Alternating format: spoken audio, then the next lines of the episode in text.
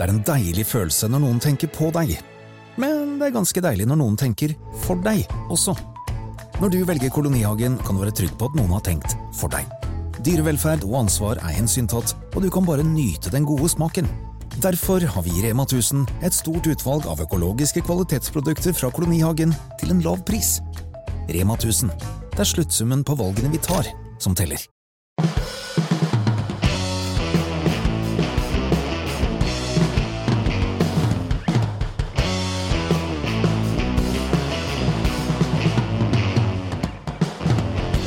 Ny uke og en ny mulighet til å snakke med folk som har det dårligere enn en selv, sånn at man kan føle seg litt bra, Petter. Tenker du på den eh, skaden jeg nå har fått som følge av sparkesykkel? Nei, jeg, kan jeg bare forklare deg en ting. Du ville, på det, men- du ville aldri hoppet opp en fortauskant som var så høy med en sparkesykkel. Nei, det Du hadde ikke engang vurdert muligheten for at det er mulig, og jeg kan fortelle deg, eh, det gikk ikke bra for meg heller. Nei. Men det er bare min tredje skade, og har jeg lært av det? Definitivt. Men det som gleder meg mest her da, vet du hva det er?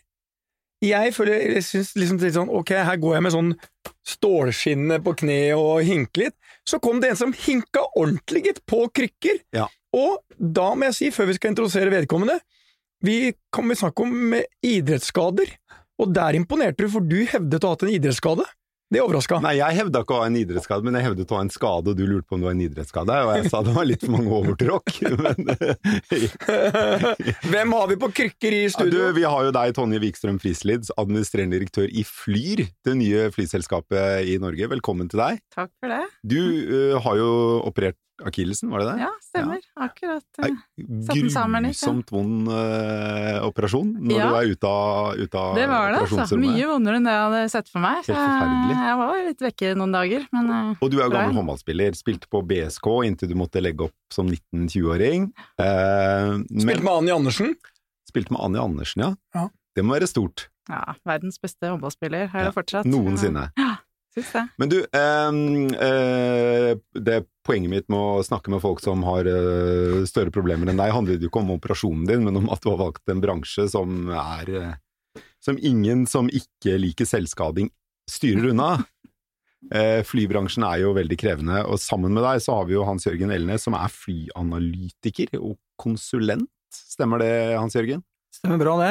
Prøver å forstå markedet, markedene både her hjemme, ute i verden, og hjelpe til med en del selskaper å få de til å forstå, og se hvordan skal de kanskje investere, hvilke selskaper kan gå bra, gå dårlig, alt innenfor luftfart, og flyplasser Ja. også faktisk. Men det er bra, fordi eh, ja, Petter, du er jo investert eh, i fly også, i og med at du er eh, aksjonær i Ving. Elleve fly i Sunwing.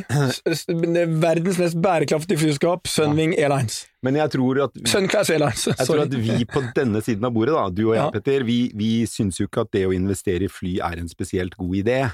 Sånn generelt. Det går jo sjelden bra med de som driver flyselskaper. Ja, Ikke sant? det var vel Branson som sa eh, 'hvordan skal du bli millionær'? Start med en milliard og Ja. gå inn i flybransjen. Det, var, eh, det er jo eh, den sikreste måten å tape veldig mye penger på, så jeg lurer jo på hva i all verden er det som gjør at de som startet Flyr, tenkte at det er en god idé? Vi starter Flyr. Ja, nå lurte jeg på om jeg skulle bryte inn her, da, tidligere. Men eh, ja, nei, det var jo en god idé. Og det er jo riktig som dere sier, at det har vært krevende bransje å være i. Men nå er det jo eh, mye som har endret seg. Altså, vi har jo vært gjennom en stor krise, og det, er, eh, det bringer noen muligheter med seg, da. Mhm. Eh, Så vi mener jo det at dette her er tiden for noe litt nytt innen bransjen, og det er jo det vi skal være. Vi skal komme Men vi må jo bare si én ting. Flyr er jo også De har jo med seg folk som har vært i flybransjen før. Mm. Det er jo sønnen til eller Erik Bråten, som er da, var tidligere Bråten Safe. Eh, Så han har gått inn i Flyr. Og han har jo en bror, Per, som eh, driver bra i Sverige. Så det er jo en, det er jo en eh, tungt arvelig belastet eh, familie som går inn her sånn. Og du har jo jobbet lenge i Norwegian, Mm. eh, som jo heller ikke er ukjent med kriser. Men eh, vi skal komme tilbake til kriser og, og sånn, men, men kan ikke du beskrive litt hva er forretningsideen til Flyr?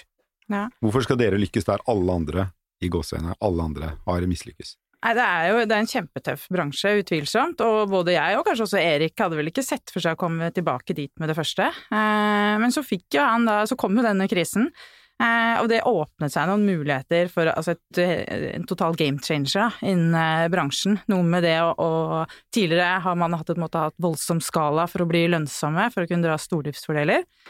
Nå mener jeg at det mer er stordriftsulemper, eh, sånn som vi ser på det. Eh, for det vi så, det at når markedet kom til å ta seg ned som én ting er det fullstendig shutdown, men at det kommer til å ta tid å bygge det opp igjen nå så kommer disse tradisjonelle selskapene til å slite. Og det gjelder rund baut, og særlig kanskje våre nærmeste konkurrenter her i Norden nå.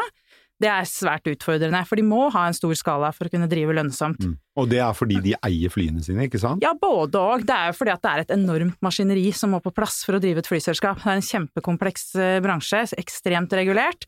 Så du må ha veldig mange ulike fagområder som skal operere sømløst sammen for å få til en god og sikker drift. Mm.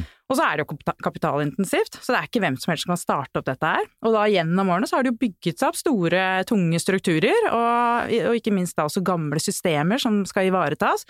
Og så er det vanskelig å fornye og modernisere.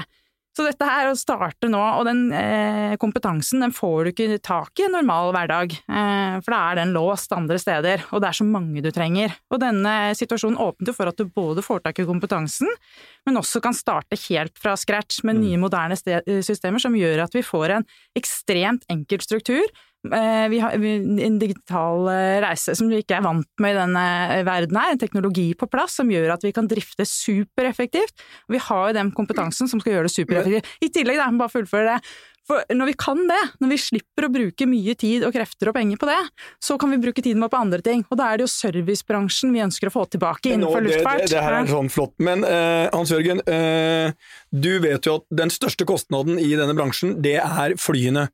Er det sånn nå at det har blitt eh, billigere å kjøpe fly og leie fly, og hva mener du er den viktigste liksom, konkurransefaktoren i flybransjen akkurat nå, eh, etter pandemien? Altså Hvis vi snakker litt om fly, da, eh, å leie fly og kjøpe fly, så inntil nå så har det vært veldig gunstig å gå inn i leasingmarkedet, sånn som Flyr har gjort, og som Norwegian har gjort, og som Norse Atlantic Airways har gjort, de tre norske vi kjenner. Fordi at eh, det har vært så mye overskudd på, på fly, og leasingselskapene har nesten gitt bort avtaler, det vil si at eh, du kan leie fly i dag, og du bare betaler leie for den tiden flyene er i luften. Ja, Det er da de tjener penger? Ja, det er da de tjener penger. Mens de står på bakken, da, da, slipper altså Flyer å betale leie for det i en periode, og samme gjør Norwegian. Så da er du ikke avhengig av å fylle opp med vanvittig mange ruter, fordi du eh, betaler ikke for mer enn når flyet er i lufta likevel? Det blir mye mindre kapitalintensivt eh, når vi har den der løsningen der. Eh, selskaper som eier fly eh, og betaler fortløpende på det, sånn som SAS, de har jo 133 flymaskiner, og de fleste må du betale leie for uh, daglig. De har en mye større utfordring enn det Flyr og, Norwegian og Norse Atlantic Airways har. Og Derfor så tror jeg nok at Flyr har sett muligheten til å starte opp selskapet, fordi at de kom på en kostnadsbase som gjør at de kan konkurrere på pris etter hvert som markedet vrir seg fra veldig mm, forretningsreiser, arbeidsreiser, til mer ferie, fritid og besøke venner og familie. Hvor mange fly har Norwegian i dag? Eh? De har per dag så tror jeg de har 48 fly. 48. De, de hadde over 200, hadde de ikke det? Nei, de hadde 160 ca. Uh, før de gikk inn i rekonstruksjon i, uh, i fjor. Målet er vel at de skal nå rundt 50-51 fly nå. Men de, Hvor mange hadde de under bestilling utover de 160 de hadde på topp? Fryktelig mange. Fryktelig mange? ja. jeg, tror de hadde, jeg tror de hadde fremtidige bestillinger tilsvarende 85 milliarder kroner i fly, og det er klart at det, det var vel i overkant, men altså Bjørn Kjos bestilte når markedet var riktig, og han bestilte nok litt for mye, og så fikk han markedet mot seg, og så gikk det som det gikk. Mm. Men i dag så er, tilbake til dette med Petterson med, med, med fly, og bestillinger, så har det vært gunstig hittil, men nå har markedet begynt å tighte seg sammen, slik at det betyr at hvis du skal leie fly fremover nå, så må du kanskje gå enten Altså, de må være eldre for å få tak i de. Mest populære, som er sånn åtte–ti år gamle, de tror jeg blir dyrere nå. Og nye fly blir også dyrere, så nå må man ta et valg, da. Skal man eh, gå inn og leie for fremtidige avtaler nå, eller skal man vente og se når markedet kommer mm. frem på neste år? Så Det blir interessant å høre hva Tonje har å si om det. Men det, men det er ett innspill. Vi må høre litt mer om fordi det er jo, det, dette er jo en potensiell ny krise da, for Flyr, som kommer ut av en stor krise og kan vaske sine hender, eller liksom kaste all legacy eh, over bord, og bare bemanne opp med det man trenger, og lease inn fly til gunstige betingelser. Men når leasingmarkedet drar seg til, hva, hvor mange fly har dere, og hva gjør dere da? Foreløpig, nå fikk vi det fjerde nå i eh, helgen, så nå har vi fire fly, så vi er små. Mm. Eh, og vi vil hele tiden, det er jo helt riktig, vi, vi må tilpasse oss eh, hvordan markedet ser ut. Og det, det jobber vi kontinuerlig. Men jeg må få si at det, det, er ikke den store differensiatoren, da. For at fly, det er dyrt for alle. Og når markedet er sånn som det er, ja, så kan du gjøre gode dealer og sånt noe, men og, og, der har vi flinke folk, så det gjør vi, og den følger vi tett på. Men det som kan differensiere deg da, for fly er dyrt for alle selskap. Det er ingen som har billige fly, eh, noe billigere fly enn andre, egentlig. Det er, det er, små forskjeller. Men det som skiller oss ut, er jo den eh, lille organisasjonen vi trenger for å håndtere dette her. Det er liksom det som virkelig differensierer oss fra de andre konkurrentene våre her. Og det er jo derfor også vi ser, og i og med at vi har høye lønnskostnader her, så må konkurrentene våre flytte ut av landet. Det trenger ikke vi. Så vi, liksom hele vårt fokus dreier seg om å snu den trenden som er. Ta tilbake service innenfor, eh, innenfor luftfart. Få en helt annen opplevelse for kundene. Og det kan vi gjøre med ansatte i Norge. Så ja, fly er, det er kapitalintensivt, eh, men det er også andre ting som gjør at du må skille deg ut for å få andre konkurransefortrinn inne i denne bransjen her. Hvor mange fly har dere tenkt å få? Nei, inn mot uh, Vi har vel sagt om på sikt, så tenker vi at vi, vi, skal dekke det norske markedet. og Da ser vi for oss en rundt 28 Altså 28 fly er vel ca. target uh, rundt det. Så sier jeg ikke noe eksakt vitenskap rundt det, men det er pluss minus. Men når det da sier det norske markedet, er det da innenriksflyvninger, eller er det også nordmenn som skal fly til London eller ja. Paris? Eller? Norske innenriks, altså innenriksmarkedet, og mm. feriedestinasjoner for nordmenn. Okay. Mm. Men det er ikke sånn når det gjelder fly også at du har fått en helt ny eh, diskusjon rundt uh, bærekraft. Vi ser det kanskje enda sterkere grad i Sverige. Så når vi sitter nå og diskuterer fly i Ving, altså på Sunclass, så er det vel mye ut fra et bærekraftsperspektiv, altså øh, som Og da vurderer vi kun helt, helt nye fly, ny teknologi, som slipper ut mye mindre CO2. Og Det har du helt rett i, Petter. Vi tror, tror at For luftfarten så har bærekraft vært på toppen av agendaen faktisk i, i flere år. Eh, og Derfor så ser vi at de store aktørene eh, de ser etter å fornye flåten sin raskest mulig, fordi man når et tak på utslipp og sånne ting. Og, og når man når det, så må man gjøre, ta en rekke grep. Derfor så, så tror jeg det at det Petter sier her, at nye fly vil være gunstig i form når du får høyere CO2-avgifter og sånne ting, og kanskje får preferanse på en del flyplasser på, på landingstider som politikere har diskutert, enn fly som er eh, åtte–ti år eldre. Men som sagt, forskjellen på et åtte år gammelt fly og et nytt fly i dag, det er ikke så stor, så stor som man skulle tro, men etter hvert som man får en, en skala og utslippene måles totalt, så vil det slå ut. Derfor så er det en fordel å komme med nye fly inntil man har fått mer sånn biofuel og sånn som man kan putte på tanken. Mm. Men du kan vel i realiteten i dag putte biofuel på Altså bioetanol kan flyene gå på i dag, men det er mye dyrere, er det ikke det? Ja, Du kan gå på i hvert fall opp til 50 blanding, ja. Eh, men den koster tre-fire ganger så mye. Og så er det bare et lite, lite tall på det. I 2019 så brukte verdens flyselskap ca. 350 milliarder liter flydrivstoff, mens det ble produsert ca. 12-15 milliarder liter eh, biofuel. Og den biofuelen skulle brukes til alle mulige former for eh, fossiler, altså motorer, ikke bare til fly. Så det er stort underskudd på det, så der er det en svær mulighet for de som kommer fra en god, en god plan for å levere på det til, til den bransjen her. Ok, på vei inn i um, pandemien så var det to flyselskaper, basically. To norske, eller SAS er jo ikke norsk, men vi, vi ser det jo litt som norsk. Og Norwegian, da. Og, SAS er mer dansk akkurat nå. ja, og på det tidspunktet så var jo SAS begynt å se ut til å klare seg ganske ok igjen. Eh, tar jeg det fritt etter hukommelsen, mens Norwegian hadde jo en krise etter krise etter krise. Ikke sant? Og den siste i rekken var jo Dreamlinerne som ble satt på bakken, og, og så plutselig var en stor del av flymassen deres ut av, ut av, spill. Så de måtte lease, og det var mye rart de måtte lease, så vidt jeg husker også. Eh, billige fly, eller de, de, flyene de kunne få tak i, egentlig, fordi da var det liksom som du beskrev, at det var en ekstrem, ekstremt press på leasingmarkedet. Men da, da norsk økonomi var, gikk så det suste, og, og alt egentlig så bra ut, så var det jo nesten umulig å tjene penger i det markedet. Uh, og nå, uh, etter pandemien, så er det ikke bare SAS og Norwegian som fremdeles er der, men det er også kommet dere og Norse. Så det er fire flyselskaper som er norske, eller i gåseøynene norske, uh, som skal betjene et mindre flymarked enn før pandemien, av flere grunner.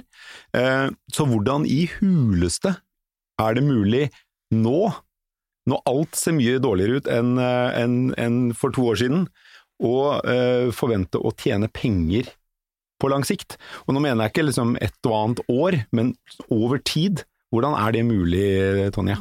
Nei, Det er jo over tid som er vår plan, og det er derfor vi nå skal bygge sakte, men sikkert. Og, og helt klart, det er kjempetøff konkurranse innenfor luftfart, det har det alltid vært. Det kommer det helt sikkert til å være også. Men eh, Flyr sin approach det, altså vi er jo rigget for nettopp det nye markedet. Eh, utfordringen i dag for disse legacy-selskapene er at de må ha en enorm skala, eh, og det trenger ikke vi. Vi kan flekse, være mye mer fleksible opp og ned på størrelsen vår, og trenger ikke det å måtte gå ut i verden for å skape lønnsomhet. Men hvis du ringte Bjørn Kjos for ti år siden, så ville han sagt ganske nøyaktig det du sa, tror jeg. Ja, ja. Eh, samtidig, da var skala eh, Da så man på skalafordeler for ti år siden. Det var jo mm. det vi gjorde i Norwegian. ikke sant? Der vokste vi, vokste vi, vokste vi. Og så er det vanskelig å begynne å rigge ned igjen nå.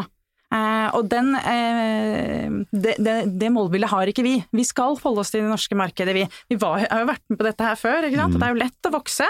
Eh, og det er nødvendig. Og det var nødvendig før, og Norwegian trengte skala for å drive lønnsomhet. Ja, åpenbart, ellers hadde han ikke bestilt 200 fly. Riktig, mm. eh, og det gjør ikke vi. Og det er, det er liksom det store liksom game changeren vår da, mm. innen, innen, dette markedet. her, Og det er få eh, selskaper, eksisterende selskaper som kan det.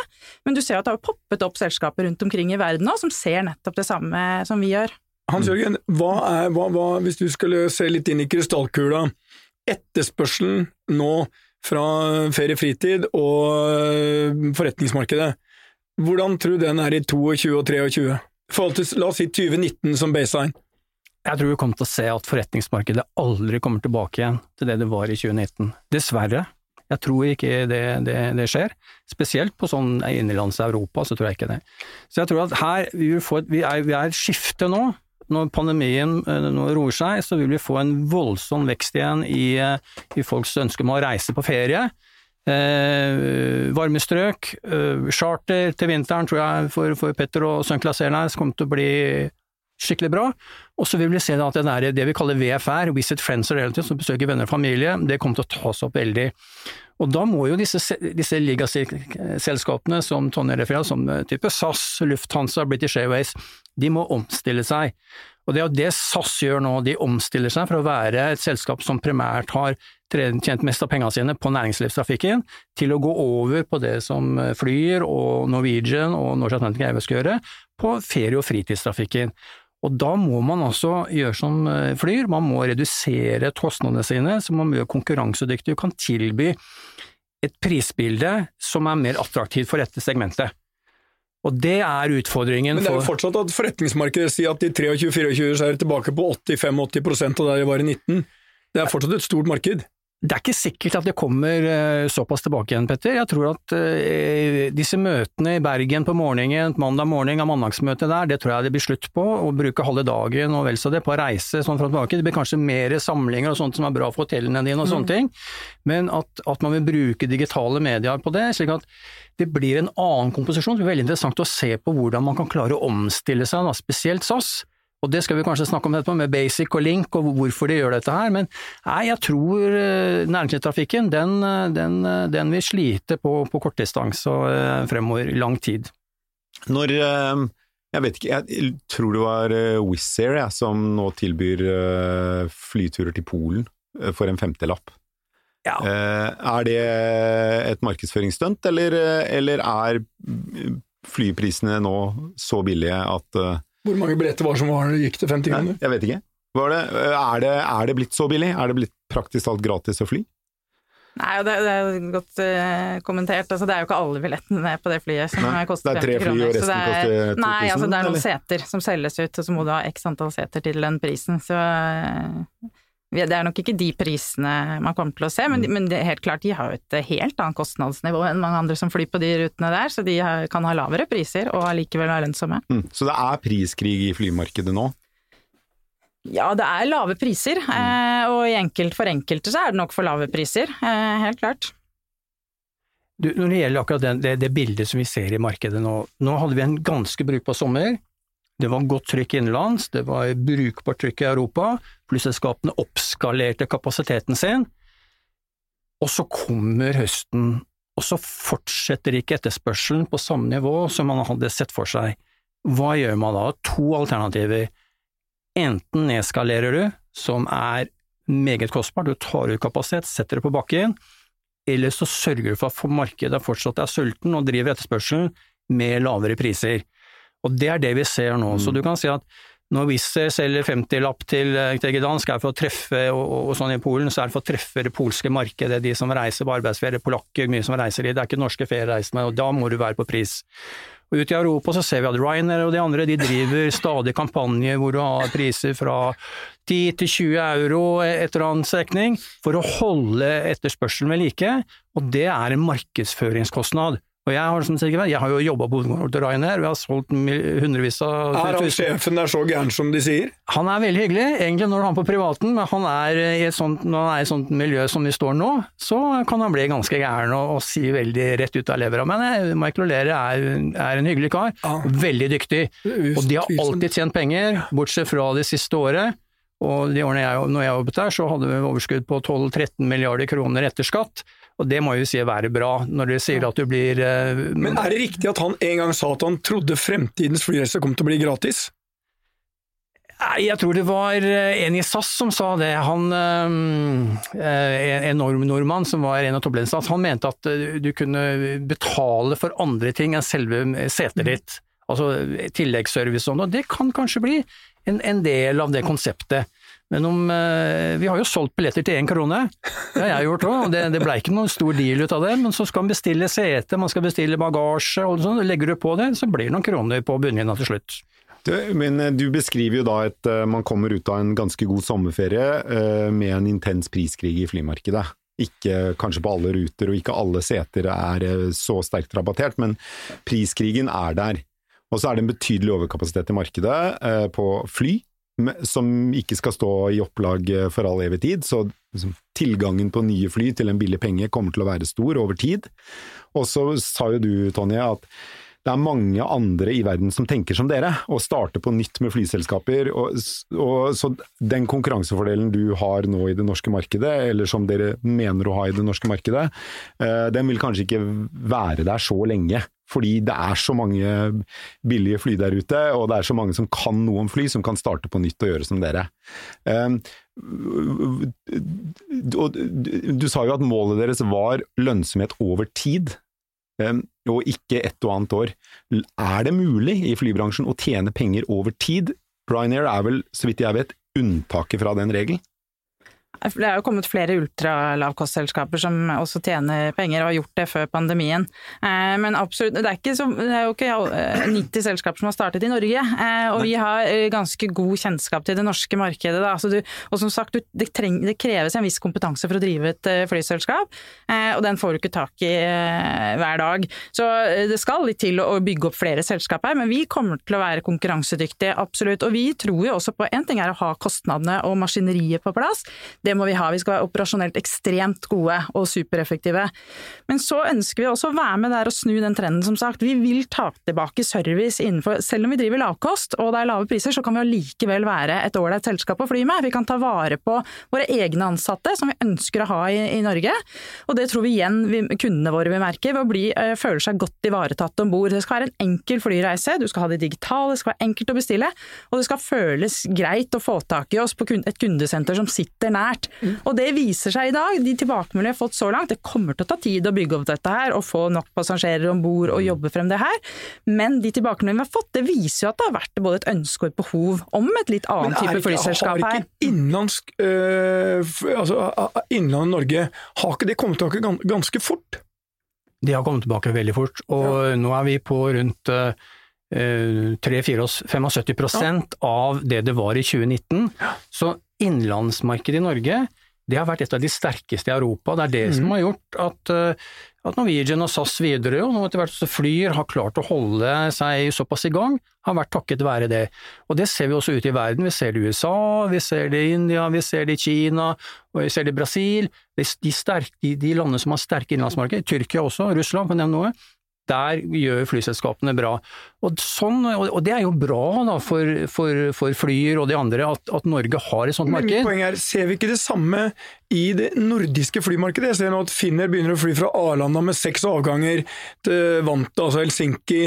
Og det, det skjer det altså, Jeg syns det går mye fortere tilbake enn eh, vi hadde trodd. Altså Innenlandske norske markeder kom veldig mye fortere tilbake, og jeg syns også at liksom, flyselskapene har en sånn Dette er både bra, bra for forbrukerne, ikke så bra for, for, de som driver flyselskaper, men veldig mange brukte veldig kort tid på å komme tilbake. Eller er det bare en følelse jeg har? Nei, jeg tror du, du, har, litt rett i det du sier, Petter. Eh, det vi har sett er at det er lavprisselskapene som har vært mest dynamiske her. De har skalert ned først og gassa på ja. Eh, når muligheten er der. Eh, mens, mens, nettverksselskapene, Legacy, som Tonje refererer til, det, de bruker litt lengre tid for å få dette her i gang. Men, men Skandinavia har vært bra. Så du har helt rett i det, at her er det muligheter for, for å komme i gang kjappere enn en del andre markeder i Europa. Tror du det er mulig å tjene penger over tid i flybransjen? Ikke ett og annet år, men over tid? Det tror jeg, og jeg tror at denne pandemien den har ryddet opp veldig mye skal vi si, dauflesk i, i, flyselskaper, som gjør at man, man har tatt ned mye overheadkostnader, som gjør at de blir mer konkurransedyktige. Men uansett så må du ha en kapitalbase som gjør at du kan stå imot en, hvis det ikke pandemien er jo ikke helt ferdig ennå, vi vet ikke om eh, liksom, vi blir friskmeldt her nå i løpet av mm. vinteren. Og så kommer konkurransen blir hardere, og da må man ha kapital for å kunne komme gjennom det. Uansett om du er charter, eh, lavprisselskap, eller sånn type nettverk, legacy-selskap som, som, SAS. Hvis Flyr skal lykkes, hva tror du, eh, hva tror du Tonje og hennes organisasjon må huske på da? Jeg tror at uh, de må vokse enda litt mer. De må få uh, en, en, de størrelse. De må få skalafordeler? Ja, de må ha litt skala. Det må de ha, for de må tilby et rutenett som gjør at de til, til, til, som markedet på en måte er, uh, kan være tjent med. Og så må de sørge for at kostnadene er sånn som de er nå, og så må de ha en bookingmodell og sånn som de har, som er veldig bra, som er lett å bruke, og så må markedet elske dem litt. Uh, og så må de sørge for å ha kapital, slik at ikke det ikke blir noe sånn constrain, at de begynner å jobbe litt med, med, ryggen mot veggen og ikke kan gjøre de tingene de vil. Sørge for at de er kapitalisert og, og, og trenger mer penger, mer kapital, så må så fall markedet stoler på at de kan levere. Så du må ha skalafordeler, Tonje?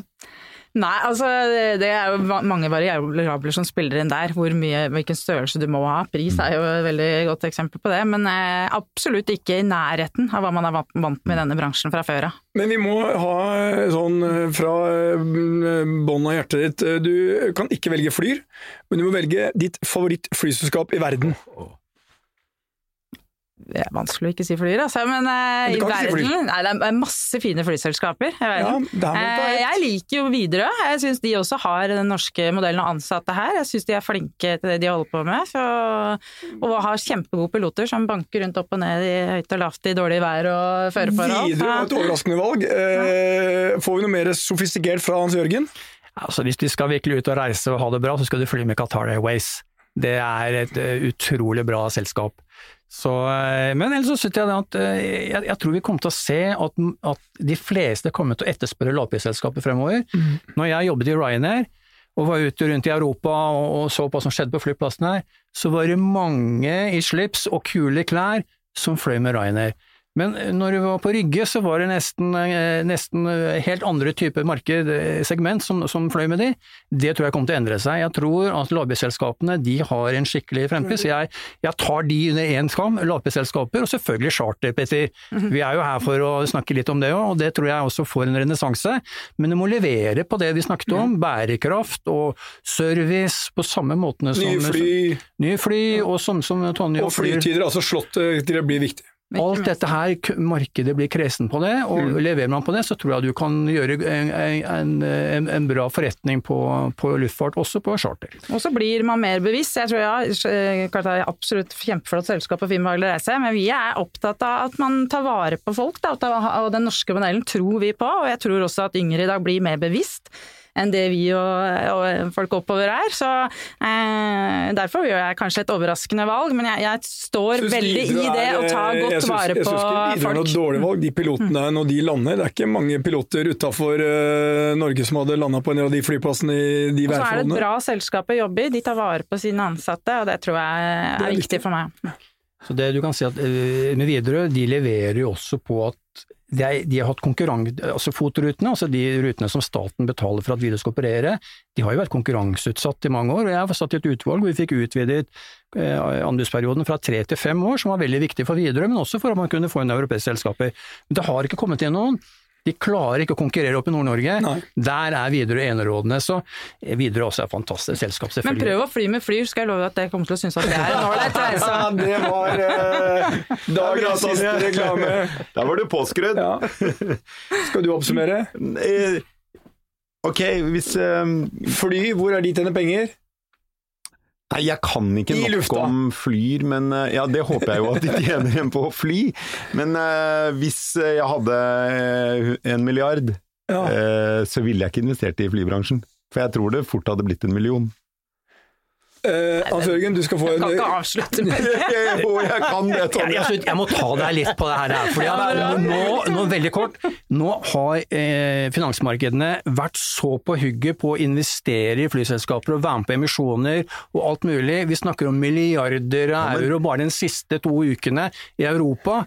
Så det er klart at luftfarten kommer tilbake igjen. Folk skal fly, folk skal ut og reise.